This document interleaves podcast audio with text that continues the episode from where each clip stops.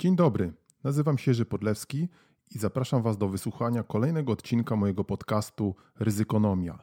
Więcej ryzykonomii, informacji o moich e-bookach, usługach doradczych i szkoleniowych znajdziecie na stronie www.ryzykonomia.pl.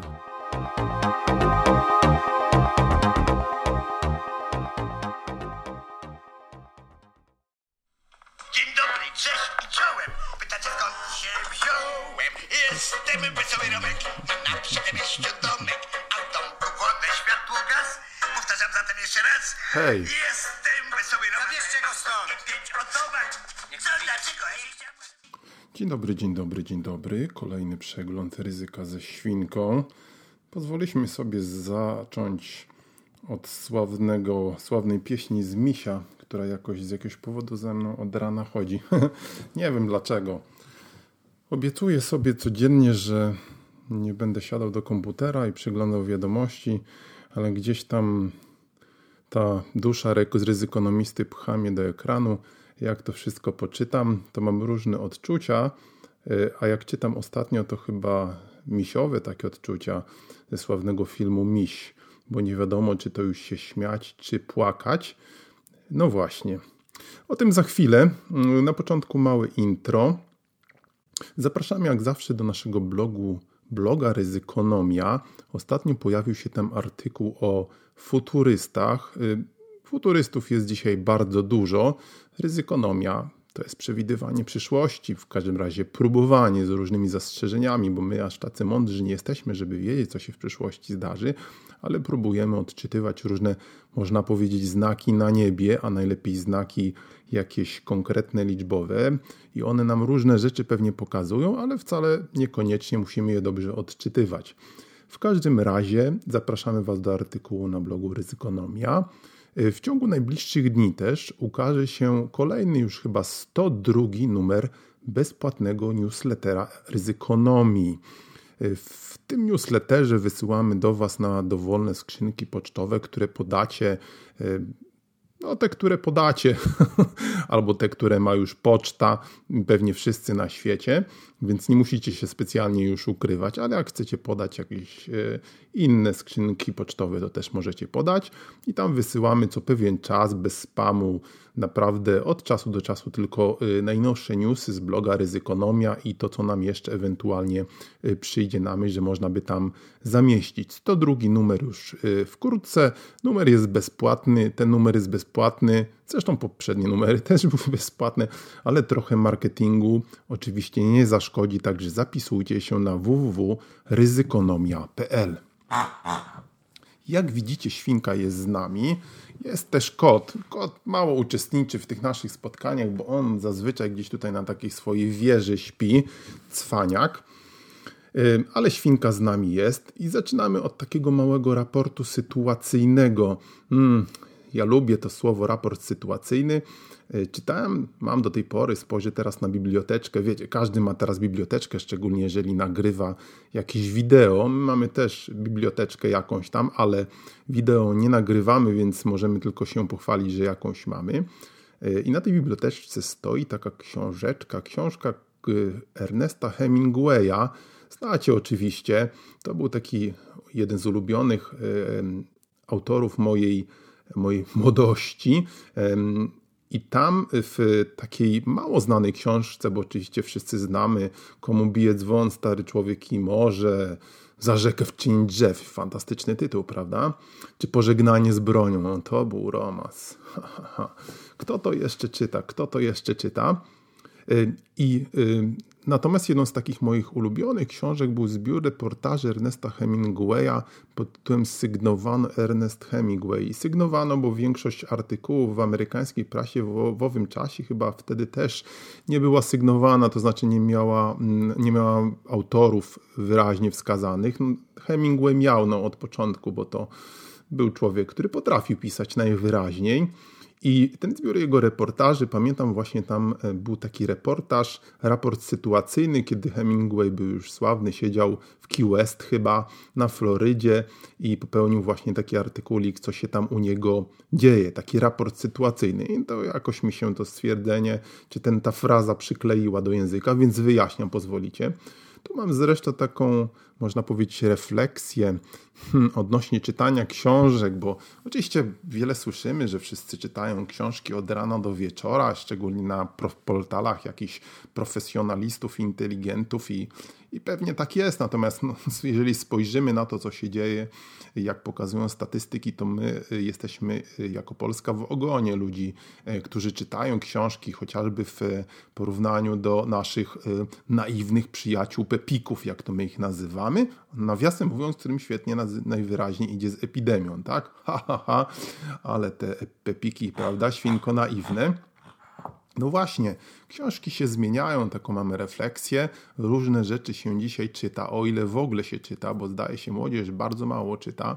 To mnie prowadzi do mm, kolejnego tematu, mm, który zresztą niedługo ukaże się również na blogu i nawiązuje do artykułu, który właśnie napisałem do Gazety Ubezpieczeniowej, nawiązujące do kwestii nauczania i pracy online w ogóle. No, to jest dzisiaj bardzo, bardzo popularne popularny ze wszystkimi swoimi blaskami i cieniami i szczególnie kiedy y, COVID, kiedy epidemia, o widzicie, już się pojawia ten temat, kiedy się zaczynał COVID, epidemia, to wszyscy się, można powiedzieć, w pewnym sensie też zachłysnęli. Super, praca online, teraz sobie damy radę. No i będziemy gdzieś tam rozmawiali z klientami z domów. Dzisiaj pewnie już sporo doświadczeń na ten temat jest y, i wyszły różne blaski i cienie.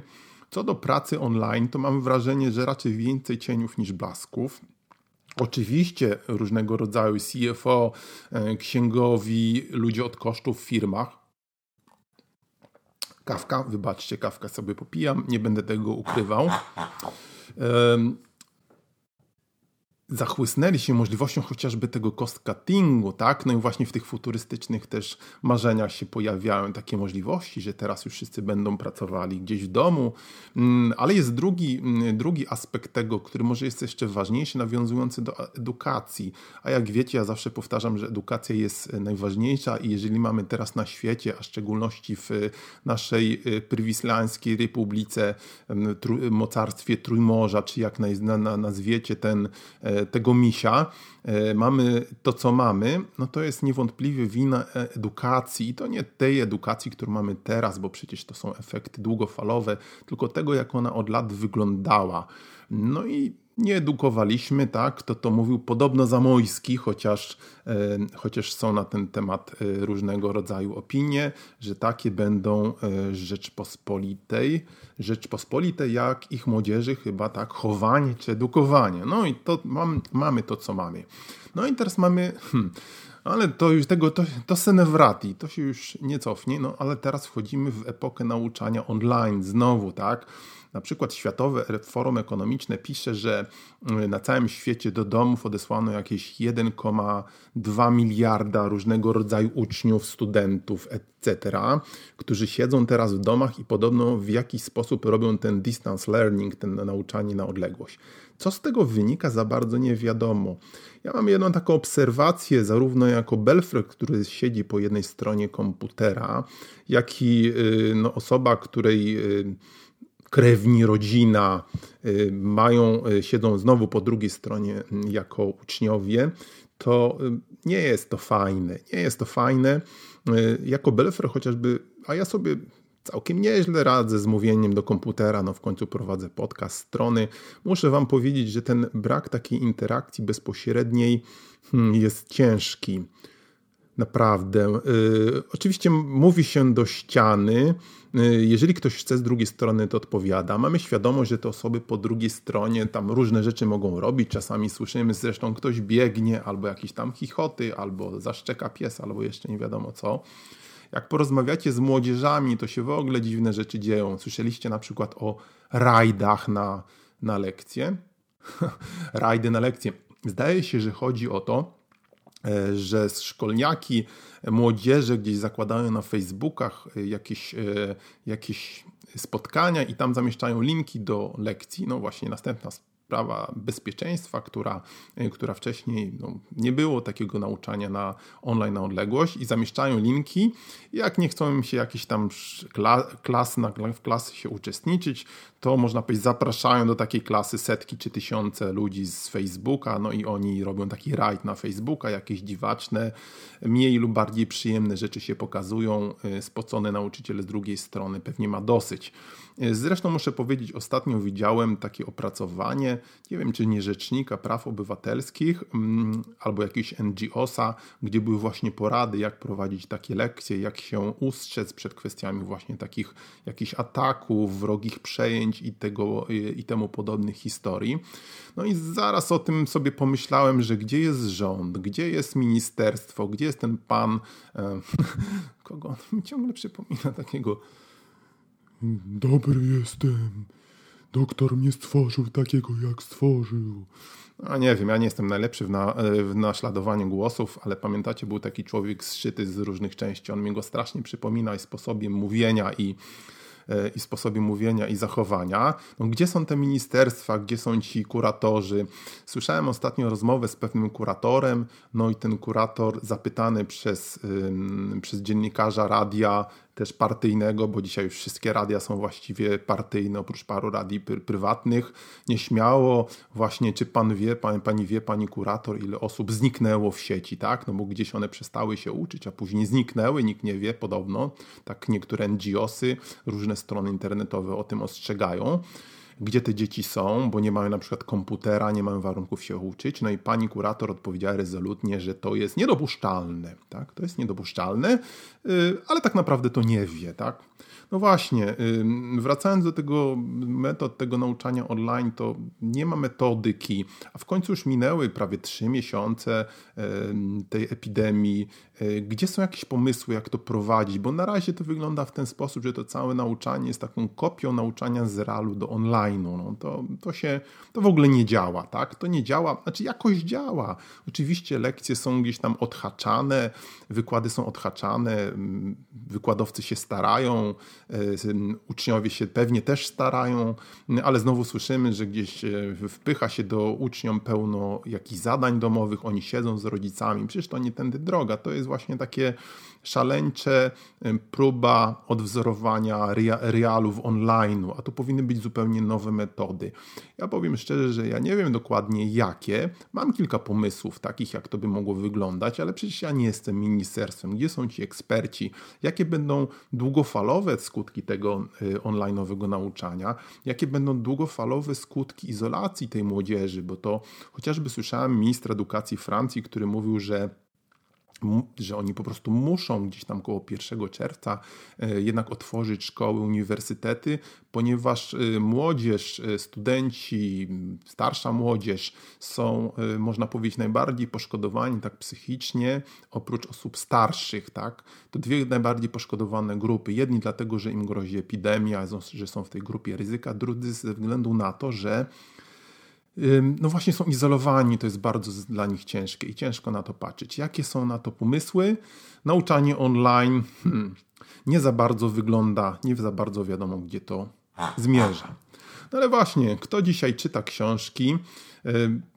Na LinkedIn chyba taki fajny ostatnio zamieścił ktoś link dotyczący literatury science fiction, e, gdzie badania podobno pokazują, że czytanie science fiction e, ułatwia później jakiś taki wzmacnia resilience, taką odporność dorosłości.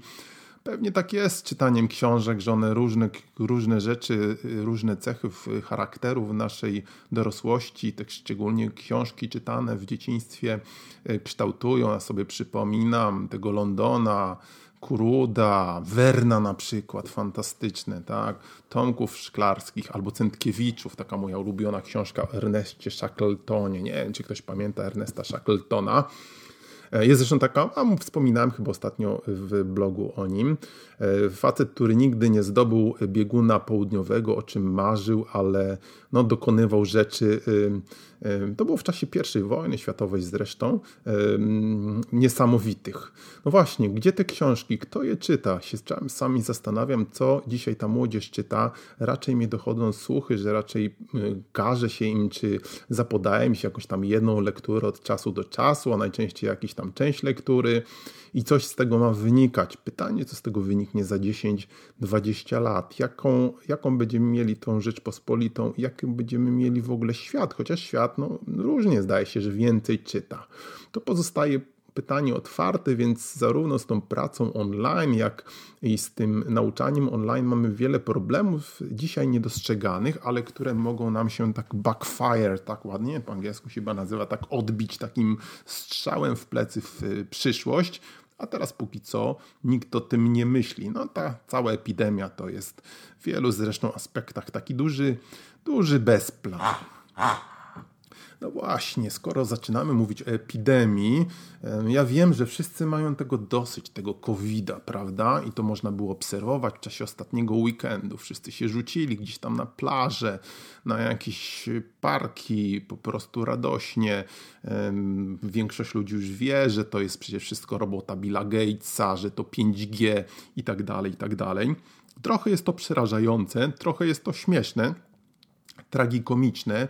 No, oczywiście wiadomo, że ludzie mają dosyć, ale epidemia, uwaga, uwaga, jeszcze się nie skończyła. Jeżeli spojrzymy teraz chociażby na różnego rodzaju mapki, spójrzmy chociażby naszego e, Jamesa e, Hopkinsa, e, którego Wam tutaj wielokrotnie odpalałem, a więc jak to wygląda w skali świata. W skali świata mamy teraz ile? Ponad hmm, Zacznijmy od Stanów Zjednoczonych, bo coś nam to się tu oczywiście złośliwie zakrzaczyło, ale w skali świata mamy potwierdzonych dzisiaj. Ładuje się, ładuje się, ładuje się. Świnko, to nam tu coś zaśpiewa w międzyczasie. 4 miliony 262 tysiące z hakiem przypadków. No to jest, to jest bardzo dużo. Jeżeli spojrzymy znowu na te krzywe we wszystkich krajach wzrostu, to one się mocno pną. Jest kilka krajów, gdzie one się trochę pozaginały, na przykład Niemcy, no ale właśnie mieliśmy to weekendowe otwarcie. Od razu słyszymy, że e, ten sławny replication ratio, to, to co jest dzisiaj ważne, tak? Czyli mówiąc e, prost, ile osób zarabia, zaraża jedna osoba zarażona. No i domyślamy się wszyscy, jak zaraża więcej niż jedną, to zaczyna być niefajne fajnie. A taka średnia, wyczytałem też ostatnio w ECDC, czyli w e, European Center for Disease Prevention and Control, przeczytałem o czym za chwilę jeszcze, o czym za chwilę, świnko oczywiście, pamiętamy. E, przeczytałem, że taka replication ratio przy Włoszech w Lombardii to było gdzieś między 2 i 3, tak? czyli jedna osoba zarażała dwie, trzy osoby. Ale jak już słyszymy po otwarciu weekendowym w Niemczech, gdzie było chyba 0,64, wzrosło to szybko ponad 1. Zresztą tam też podobno była ciekawa dyskusja między Angelą Merkel, która jest przecież naukowcem z wykształcenia, a szefami poszczególnych landów, bo to jest kraj federacyjny, więc ym, ym, również kanclerz ma tutaj ograniczoną władzę, która ostrzegała, żeby za szybko nie otwierać. Y, zostało to szybko otworzone, podobnie zresztą w innych krajach. Y, no i mamy bardzo szybkie odbicie.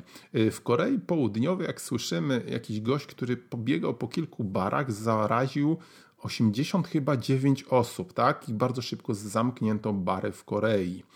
Y, my oczywiście też słyszymy u nas o otwieraniu. Jak to współgra z naszymi danymi? Tutaj to w ogóle jest, muszę Wam powiedzieć, niezły cyrk, szczególnie w ciągu ostatnich dni. O tym na pewno słyszeliście.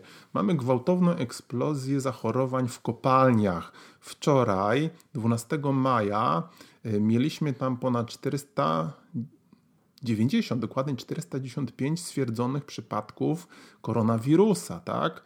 Na całą Polskę chyba 595, to jest chyba z 90%. No właśnie, to pokazuje też, co się dzieje, kiedy naprawdę zaczyna się testować, ilu jest chorych w Polsce. Mówiliśmy o tym wielokrotnie, że u nas y, przyjęto taką, ja nie użyję słowa strategię, ale takie podejście, tak? bo strategię to byłoby obraza dla strategii wypłaszczania długoterminowego najwyraźniej tej epidemii. E, chodzą ludzie po ulicach, którzy nie byli przetestowani i zarażają nie wiadomo innych osób, i gdzieś tam w pewnym momencie to odbije albo już odbija. Tak jak na Śląsku mamy wystrzał taki w plecy, Ale dzisiaj, no chyba zaraz znowu tego misia puszczę. Dzisiaj czytamy, że już jest tych przypadków tam tylko 74. Proszę, wczoraj 495, a dzisiaj już 74. Tak to gwałtownie zmalały. Proszę bardzo, jak się wirus partyjnych menadżerów błyskawicznie e, słucha, w tym tego pana Rudego, który tam słyszeliście ostatnio, sprowadzali jego znajomi maski, ale on biedny o tym nic nie wiedział. No to jest cyrk, to jest miś, ale już taki tragikomiczny. Wracając do covid naszego, to w Polsce mamy na dzisiaj 17 tysięcy stwierdzonych e, przypadków. Zmarło niestety 847 y, osób. I co będzie dalej właśnie? Bo słyszymy nieustannie o tych rozluźnieniach, a biznes na to bardzo czeka. Wczoraj przeczytałem taką informację, gdzie ludzie z branży turystycznej krakowskiej zapraszają do przyjazdu do Krakowa. Ja to oczywiście rozumiem, no bo przecież biznesy padają, ale hmm, jakkolwiek by nie zabrzmiało to dramatycznie i nieprzyjemnie, to niestety y, no tak się nie da. Jeżeli teraz ludzie zaczną jeździć na wakacje gwałtownie, bo wszyscy już o tych wakacjach mówią, ja też jestem namawiany, żeby jechać na wakacje, no to możemy mieć y, drugą falę. Możemy mieć drugą falę. Zresztą tak jak było w czasie tej sławnej epidemii hiszpanki, tam też były kolejne fale i ta hiszpanka w efekcie trwała kilka lat. No właśnie. I teraz, jeżeli ludzie po dwóch miesiącach mają już dosyć tego siedzenia w domu, zresztą siedzenie w domu samo to chyba na dłuższą metę jest rzeczywiście bez sensu, ale już mają dosyć nawet y, zachowywania odstępów w kolejkach, co też możemy obserwować, co jest naprawdę dla nas nie wiem już czy irytujące, ja się tym nie irytuję, raczej można powiedzieć, że przyjmuję to za dopust Boży, no to możemy mieć bardzo szybko wystrzał w plecy i nawet niektórzy mówią, że Śląsk może stać się drugą polską Lombardią. No ale ten Śląsk to jest problem, prawda? No bo jak tu zamknąć teraz Śląsk? Tam są górnicy, a górnicy, górników wiadomo wszyscy się boją, bo górnicy się nie patyczkują, tak jak głupia kasta złodziei kiełbasy, prawda, czy jacyś tam kodziarze, tylko biorą styliska od łopat i e, to się chyba tak ładnie nazywa, e, tak myślę, Y, i jakieś kilofy i palą opony i jest, i jest wtedy niefajnie, prawda? I się nikogo nie boją. Więc jak tutaj teraz zamknąć taki region, trzeba statystycznie obniżać i mamy do czynienia z obniżaniem epidemii. No więc czujemy taki powiew optymizmu ze wszystkich stron, ale też ja wam powiem tak, hmm, hmm Przeczytałem znowu taki fajny tytuł ostatnio, że jesienią na polski biznes spadnie meteory, tylko nie wiadomo jakiej wielkości. Co prawda analitycy, i nawet przeczytałem dzisiaj analitycy EBOR-u, czy BRD, tego Europejskiego Banku Rozwoju i Developmentu, który gdzieś sobie tam jeszcze żyje i zapewnia synekury różnym politykom z krajów wschodu, chyba tak, więc analitycy twierdzą, że Polska przejdzie recesję suchą nogą. Może i przejdzie, ale przychodzi mi znowu na myśl taki e, artykuł, który czytałem, e, wywiad z wiceprezesem z wiceprezesem firmy LPP, tak, Marka Reserve, który e, ujawnił, można powiedzieć, że w ciągu tego pierwszego otwarcia galerii jeden z ich sklepów sprzedał, uwaga, uwaga, jedną rzecz. Tak, jedno, jedno. No jak pójdziecie teraz do galerii, to zobaczycie, co się tam naprawdę dzieje. Ja ostatnio kupowałem sobie jakiś nożyk w galerii do cięcia y, pomidorków i, i różnych innych rzeczy smakowitych. Y, I porozmawiałem sobie z panią, i pani mi powiedziała, że u nich biznes, jak to określiła, kapie. No właśnie, kap, kap, kap. No i czy na takim biznesie kapiącym można przetrwać? Jak długo? No nie dziwnego, że jest wielkie parcie na wybory, żeby to się szybko y, odbyło i żeby można było tutaj się zacementować. No ale jesienią, słuchajcie, będzie się działo, będą obniżki wynagrodzeń, będą masowe zwolnienia i nie wiadomo co będzie tak naprawdę. Spadnie niewątpliwie meteoryt, i to duży meteoryt. I chociaż optymizm jest piękny, jak tak, można powiedzieć, optymizm jest piękny, ale Polacy, jak wiadomo, w realizmie się lubują. Tak sobie znowu zażartuję. Zresztą inne narody pewnie też w tej sytuacji, tak, bo wszyscy mają tego dosyć. No to jesienią y, będzie mocno niefajnie i sobie tak myślę, że może lepiej konsolidować finanse, nigdzie nie wyjeżdżać, albo gdzieś tutaj w okolicy sobie gdzieś po, pochodzić, poopalać się, bo będzie się naprawdę, będzie się tutaj naprawdę działo. I pewnie wiele biznesów padnie. Wiele biznesów padnie i może to jest moja taka rada, że może czasami prędzej myśleć o zamknięciu biznesu niż gdzieś sobie robić jeszcze większe długi i dać się podpuścić różnego rodzaju Facebookom, różnym pismakom, którzy nas e, tutaj e, popierają i cieszą się, tak, tak, wyratujecie pracowników, bierzecie kolejne długi. No to jest wszystko fajnie, ale wiecie co, później te wszystkie długi trzeba będzie spłacać, a z czego można potracić i majątek osobisty i wiele, innych rzeczy. Więc takie mamy przemyślenia, że to może być bardzo różnie i lepiej się przygotować chyba na najgorsze. Lepiej się przygotować też na tą drugą falę. No i pytanie, czy się w ogóle przygotowujemy na drugą falę? Ja wiem, świnko, ja wiem, ty jesteś gotowa, a kot sobie tutaj śpi, więc kot jest zawsze gotowy, przemyśliwuje sobie. Ciekawy artykuł w Politico ostatnio dotyczący właśnie tej drugiej fali. Polecam go, daję do myślenia. On się powołuje w wielu aspektach również na ECDC. ECDC, e, pamiętacie ten sanepid taki mm, europejski, wydało ostatnio dziewiątą edycję swojego Rapid Risk Assessment, takiego szybkiego przeglądu ryzyka. O tym mówiłem już e, wielokrotnie. To niewątpliwie czytają, podejrzewam również, jak słyszę różne wypowiedzi w naszym Ministerstwie Zdrowia, i to przynajmniej jest dobrze, no i tam czytamy y, oceny ryzyka, tak? Kolejne na stronie ECDC europa.ecdc.europa.eu znajdziecie. E, no i e, cóż mówi ECDC? No ECDC podsumowuje, co się do tej pory w ogóle wydarzyło i zaleca no, właśnie tą bardzo dużą ostrożność i tu się pojawia takie hasło, nie będę tym razem wchodził już w szczegóły raportu, ale ECDC rzuca takie hasło, że to nie jest sprint, to jest maraton, tak? Ludzie zasprintowali, wszyscy mówią dwa miesiące, dosyć, mamy dosyć,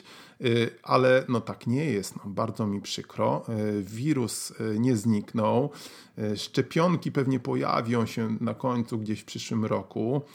Mamy całą masę niewiadomych, dlaczego jedni chorują, dlaczego inni nie chorują, dlaczego w jednych krajach to się szerzy, dlaczego w innych się nie szerzy. No właśnie, więc oczywiście CDC cały czas mówi, że ryzyko jest. Mówi, że ryzyko jest teraz, reasumując, takie moderate, czyli można powiedzieć średnie, rozprzestrzeniania się dalszego pandemii w krajach Europy oczywiście, ale przy zachowaniu dotychczasowych różnych ograniczeń i oczywiście tej czujności i takiego jednak stopniowym, ale bardzo ostrożnym znoszeniu różnego rodzaju ograniczeń, tak? Bo w momencie, kiedy to nastąpi szybko, skokowo, a tak mieliśmy chyba do czynienia w ciągu ostatnich dni, y, no to możemy mieć gwałtowny taki backfire, możemy mieć drugą falę, tak? Bo najwyraźniej żadne ewidencje naukowe nie pokazują jakoby y, wzrost temperatury. Zresztą temperatura nam wcale nie wzrosła. Mamy tutaj powrót zimy, y, powoduje zmniejszone ryzyko zakażeń, tak? ale ja znowu cały czas mówię, no, że um, trzeba to robić w jakiś smart sposób, tak? My w dalszym ciągu nie mamy żadnych planów, nie mamy żadnych y, od, od, do czego ryzykonomia zawsze nawoływała, jakichś e, paneli ekspertów, naukowców, którzy by pomagali podejmować rządowi e, jakieś dane, bo przecież wszystko jest podporządkowane wyborom. Więc chociażby, no wracając do tych masek, no zobaczcie, to jest kompletny bez sensu noszenie masek na dworze. One są noszone w sposób o których eksperci wielokrotnie mówili, że to raczej zwiększy ryzyko gdzieś tam na brodach, na głowach, a znowu w sklepie. E, w sklepie nikt nie stoi, w, albo mało się stoi w kolejce w jakichś, w jakichś rozsądnych odstępach. Ludzie potrafią nas gdzieś tam odburknąć, wyśmiać. E, e, rękawiczek też, gdzieś tam o, tutaj w najbliższej, w najbliższej żabce widzę pani, która kiedyś zresztą popisała się swoją przy mnie w rozmowie z innym klientem właśnie swoją teorią, jaka to jest wszystko wielka ściema. Nie tylko dotyka wszystkich towarów gołymi rękami, ale przy mnie się tam 10 razy podrapała i poprawiła włosy po twarzy. No wirusa nie ma. No. I dobrze, że wirusa nie ma w chociażby e, region, w którym ja mieszkam, a więc województwo pomorskie jest stosunkowo mało dotknięte wirusem, ale weźmy inne województwa, tak? No i teraz może trzeba byłoby jednak zamknąć to województwo śląskie, no ale nie zamknie się województwa śląskiego, no bo przecież górnicy się wkurzą, tak? Gdzie w tym jest jakaś nauka, a gdzie z tym jest jakieś naukowe podejście? Absolutnie, absolutnie nie ma, naprawdę. I od O tym ostrzegają re, e, lekarze, lekarze, epidemiolodzy, ale któż ich, e, któż ich słucha? Więc jak długo to potrwa? Mamy teraz wakacje. E, słyszymy, że grecki minister już zaprasza w lipcu turystów, chciałby, żeby przyjechali, no to jest w ogóle jakiś obłęd. Y, wyobrażacie sobie teraz lecenie jazdy do Grecji, jakby wszyscy ludzie z Grecji wrócili, no to są naprawdę pobożne życzenia. Z drugiej strony musimy sobie zdawać sprawę, że jak tam ludzie nie przyjadą, to naprawdę chociażby w krajach, gdzie turystyka jest bardzo ważna, będzie katastrofa, tak? Będzie, no będzie, po prostu no nie da się tego uniknąć. Może czasami lepiej sobie powiedzieć to otwarcie, przygotować się na katastrofę, niż y, mamić jakimiś y, przesądami światło-ćmiącymi, birbante rocka, prawda? Y, I oczekiwać jakichś niesamowitych rezultatów, bo ja tutaj innej opcji nie widzę. Mm, inne kraje rozluźniają, y, Czechy rozluźniają, o tym już mówiliśmy, Dania, Szwecja, ciągle ciekawy przykład, to jest niejasne, bo Szwecja, y, ostatnio były takie dane, które pokazały, że tam PKB spadło chyba tylko 0,8%, kiedy w Stanach chyba z prawie 5%, y, u nas ile spadło, to ja za bardzo nie wiem w ogóle, co się dzieje, bo oczywiście inflacji nie ma, ale znowu gdzieś rano czytamy, że rosną jak szalone ceny żywności, no u nas to już wiecie, to już jest w ogóle czarna magia. Chiny mamy w dalszym ciągu. W Chinach znowu trochę wzrosło ze względu na przyjeżdżające osoby z Rosji, prawda? Rosja. Rosja to jest wielka niewiadoma, bo hmm, tam mamy bardzo szybki wzrost epidemii, ceny ropy są zabójcze dla Rosji i to musi znowu się skończyć w jakiś sposób, bo jak już kiedyś mówiliśmy, to jest taki kraj rządzony przez takich ludzi, że jak y, przez takiego człowieka, że jak się tam dzieje źle, to jest wtedy pomysł na przykład, żeby na kogoś napaść. No i hmm, ciekawe kiedy na kogo, tak? Miejmy nadzieję, że nie na nas. Singapur, też ciekawy case study, który czytamy w, Polityku, w Politico, bo tam, jak o tym wspominałem, był taki okres, kiedy oni sobie bardzo dobrze radzili z, tym, y, z tą epidemią, ale ostatnio podobno y, znowu mamy do czynienia ze wzrostami, bo w Singapurze, można powiedzieć, ominięto praco w badaniach, w ogóle w, w walką z tą epidemią różnego rodzaju skupiska emigrantów, którzy mieszkali, mieszkają w zatłoczonych jak to się ładnie nazywa, dormitoriach, czyli chyba hotelach robotniczych u nas można by powiedzieć. I tam się to znowu zaczęło szerzyć, tak? Także ECDC, y, y, reasumując cały temat i z polityką, i z, ECDC, jednak radzi, to też jest znamienne, żeby nie rozkładać tych szpitali polowych. U nas tych szpitali polowych nie było, ale jak wiecie, były kraje, gdzie one było. Wszyscy się cieszyli, bo jeszcze nie wiadomo, co może wrócić.